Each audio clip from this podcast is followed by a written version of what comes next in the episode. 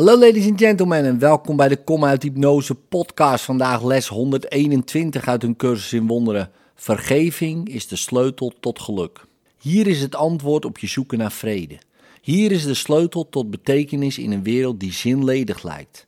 Hier ligt de weg naar veiligheid te midden van schijnbare gevaren die jou van alle kanten lijken te bedreigen en al je hoop doen wankelen om ooit nog rust en vrede te vinden. Hier worden alle vragen beantwoord. Hier staat het eind van alle onzekerheid ten lange leste vast. De niet vergevingsgezinde denkgeest is vol angst en biedt liefde geen ruimte om zichzelf te zijn. Geen plaats waar zij in vrede haar vleugels kan uitslaan om zich boven het rumoer van de wereld te verheffen. De niet vergevingsgezinde denkgeest is bedroefd, zonder hoop op respijt en bevrijding van pijn. Hij lijdt en verkeert in ellende tuurt rond in duisternis zonder iets te zien, niettemin zeker van het gevaar dat daar op de loer ligt. De niet vergevingsgezinde denkgeest wordt door twijfel verscheurd, is verward over zichzelf en alles wat hij ziet, bang en boos, zwak en in alle staten. Bang om voor te gaan, bang te blijven, bang om wakker te worden of te gaan slapen, bang van elk geluid, maar banger nog van stilte. Panisch van het donker, maar meer nog in paniek bij de nadering van het licht. Wat kan de niet vergevingsgezinde denkgeest anders waarnemen dan zijn verdoeming? Wat kan hij zien behalve het bewijs dat al zijn zonden werkelijk zijn? De niet vergevingsgezinde denkgeest ziet geen vergissingen, alleen zonde. Hij beziet de wereld met nietziende ogen en schreeuwt het uit als hij zijn eigen projecties de hoop ziet lopen tegen zijn erbarmelijke parodie op het leven. Hij wil leven, maar wenst toch dood te zijn. Hij wil vergeving, maar ziet geen hoop. Hij wil ontsnappen, maar kan zich geen uitweg voorstellen omdat hij overal het zondige ziet. De niet vergevingsgezinde denkgeest verkeert in wanhoop, zonder vooruitzicht op een toekomst die iets anders is dan meer wanhoop bieden kan. Toch beschouwt hij zijn oordeel over de wereld als onherroepelijk en ziet niet in dat hij zichzelf tot deze wanhoop veroordeeld heeft.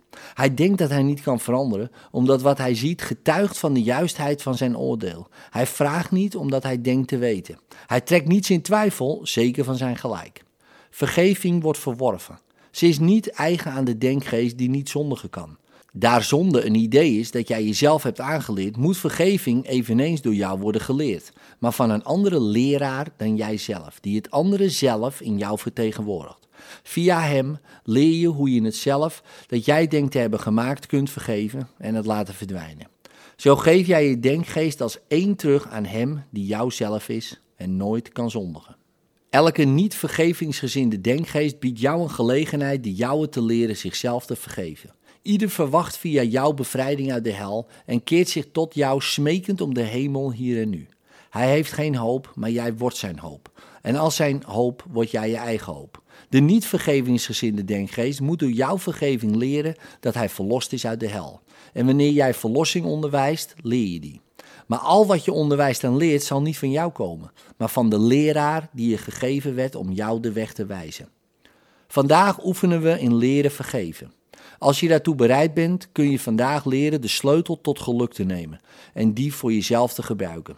We zullen s'morgens 10 minuten en s'avonds nog eens 10 eraan wijden te leren hoe we vergeving kunnen schenken en ook vergeving kunnen ontvangen. De niet vergevingsgezinde denkgeest gelooft niet dat geven en ontvangen hetzelfde zijn. Toch willen we vandaag proberen te leren dat ze één en hetzelfde zijn, door te oefenen in vergeving jegens iemand die jij een vijand acht en iemand die jij als vriend beschouwt. En naarmate je beide als één leert zien, zullen we de les tot jezelf uitbreiden en zien dat hun ontsnapping de jouwe inhield. Begin de langere oefenperiode door aan iemand te denken die je niet mag, die jou schijnbaar irriteert of weerzin in je schijnt op te roepen als je hem zou tegenkomen.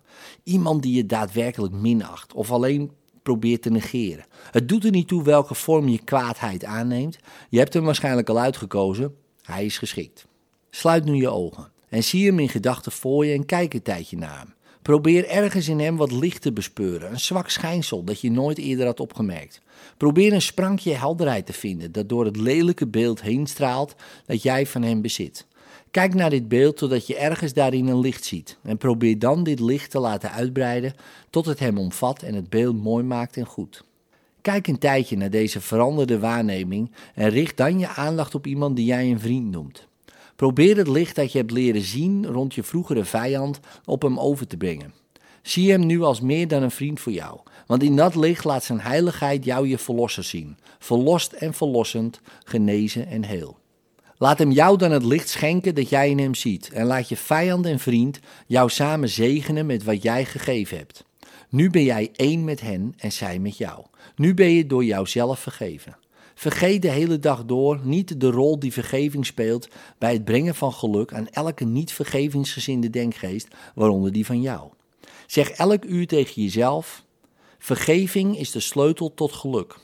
Ik zal ontwaken uit de droom dat ik sterfelijk ben, feilbaar en vol zonde, en weten, ik ben de volmaakte zoon van God. In liefde, tot morgen.